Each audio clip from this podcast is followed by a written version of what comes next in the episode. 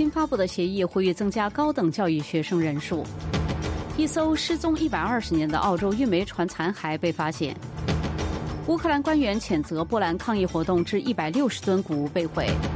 特朗普击败黑利获得共和党美国总统大选提名。以下是新闻的详细内容。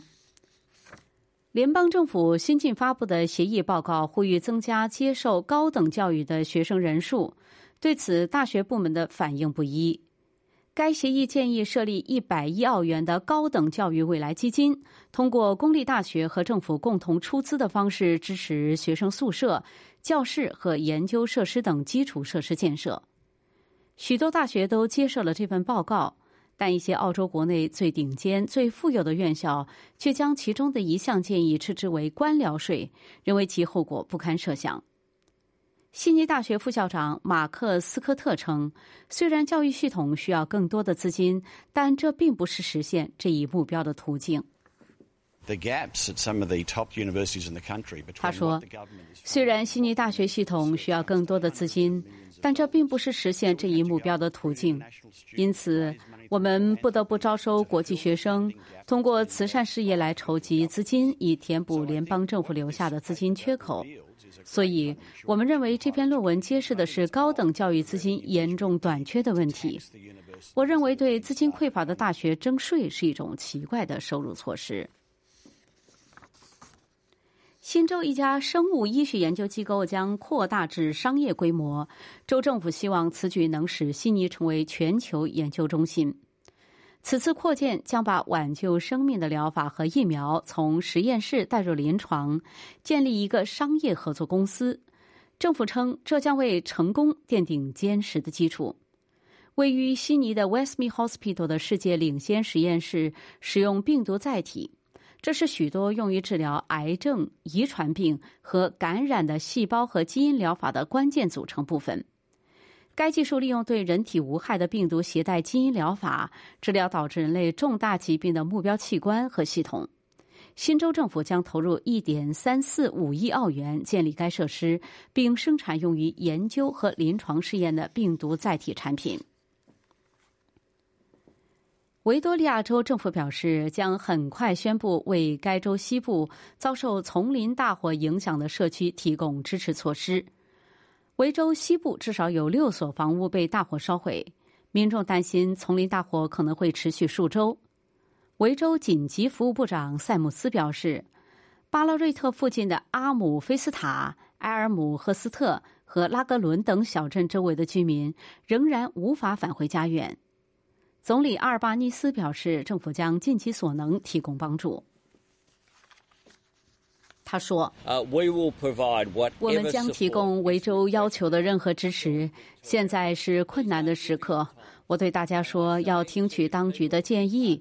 我们需要确保在获得建议时观察火情并采取行动，包括维州和塔州。” Watch and act when that advice comes through, both here in Victoria and also in Tasmania. 塔斯马尼亚州州长杰利米·罗克利夫表示，如果自由党重返政府第四个任期，他们将撕毁水电部宪章。在即将举行的州选举前的竞选活动中，两大政党都承诺要改变该州的水电规则并降低电价。自由党承诺根据可再生能源红利向家庭提供两百五十澳元的优惠，向小型企业提供三百五十澳元的优惠。工党则表示将兑现这一承诺。塔州的自由党一直是少数党政府，他们提前一年多宣布提前举行大选。贝瑞吉克连已开始为推翻一项调查而努力，即他在与一名不光彩的州议员的关系中存在腐败行为。今天，新州上诉法院将举行为期两天的听证会。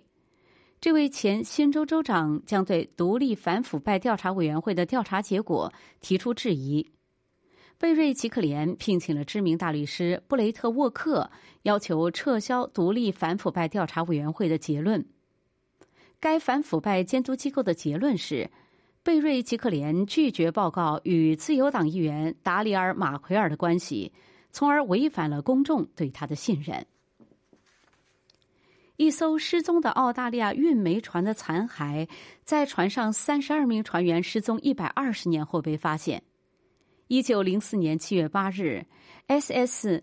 Nemesis 号满载煤炭离开纽卡斯尔前往墨尔本，但在暴风雨中沉没。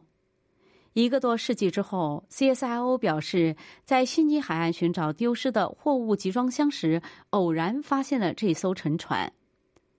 该州遗产部长彭尼夏普称，这艘船没有受到任何的干扰。他也呼吁失踪船员的亲属能够现身。我们希望能够了解你们，我们希望能够讲述发生在你们亲人身上的故事。我们希望能够填补你们家庭拼图中缺失的部分。有六具遗体被冲上了岸，他们被埋葬在索瑟兰的。沃罗诺拉瑟瑟兰公墓里，我们希望能够记住这逝去的一切，但同时也要让那些永远不知道发生了什么的家庭能够真正的在此事上画上一个句号。西南威尔士州警察局长表示，警方正在夜以继日的寻找一对巨信在悉尼东部被谋杀的年轻同志情侣的遗体。韦伯局长在一份声明中表示，他知道仍有一些谜团需要解决，但呼吁社区在警方努力寻找事实真相时能够保持耐心。他说，警方正在昼夜不停的工作，寻找杰西·贝尔德和卢克·戴维斯。一名男子将于今天出庭，他涉嫌与周末悉尼南部一家酒店的保安死亡事件有关。这名三十一岁的男子被控暴力袭击致人死亡。警方称，他将于周日凌晨萨瑟兰的一处酒吧被驱逐之后，用拳头殴打了一名保安的头部。这名男子的身份尚未正式公布。酒店的顾客表示，他们对有人死亡感到震惊。I just popped in and saw all the police, but apparently there was some screaming going on in the back line 我刚刚进去就看到到处都是警察，后巷里传来尖叫声，一些女士在拼命的尖叫。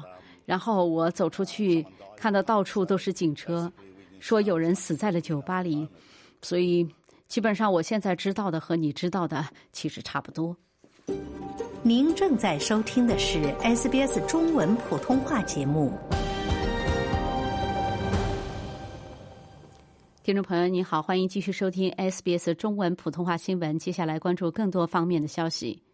在过去的几天里，以色列军队和巴勒斯坦枪手在整个加沙地带发生了冲突，因为调解人加快了在欧洲举行和平谈判的步伐。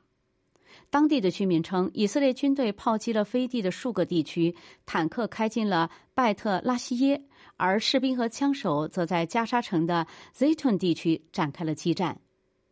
在巴黎的谈判代表正试图就可能的停火达成协议，以解救被哈马斯扣押的人质，并给这个饱受战争摧残的地区的斋月期间带来喘息之机。唐纳德·特朗普在南卡罗来纳州轻松的击败了他唯一的挑战者尼基·黑利，继续轻松的获得共和党在美国总统大选中的提名。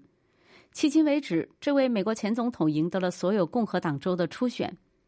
尽管特朗普的提名似乎不可避免，但黑利拒绝退出竞选。黑利在特朗普担任总统时，曾在他手下出任美国驻联合国大使。他说：“他欠选民一个选择。” South Carolina has spoken. We're the fourth state to do so. 南卡罗来纳州已经发声，我们是第四个这样做的州。在接下来的十天里，另外二十一个州和地区也将发生。他们有权做出真正的选择，而不是苏联式的只有一个候选人。我有责任给他们这样的选择。And I have a duty to give them that choice. 波兰的抗议活动导致一百六十吨谷物被毁，引发了乌克兰官员的谴责。波兰农民本月一直在抗议他们所说的来自乌克兰的不公平竞争和欧盟的环境法规。抗议的农民封锁了与乌克兰接壤的边境口岸和高速公路，并从火车车厢中泼洒出乌克兰产品。一位农民表示，只要低价格和高成本持续存在，只要欧盟绿色协议的限制不变，抗议活动就会继续下去。目前我们有一个特别大的问题，那就是向欧盟进口谷物，这使得所有的与谷物有关的价格都混乱不堪。我们的收入低于生产成本，如果继续这样下去，农民肯定不会平静下来。由于长期的薪酬纠纷，美国的初级医生已经第十次举行罢工。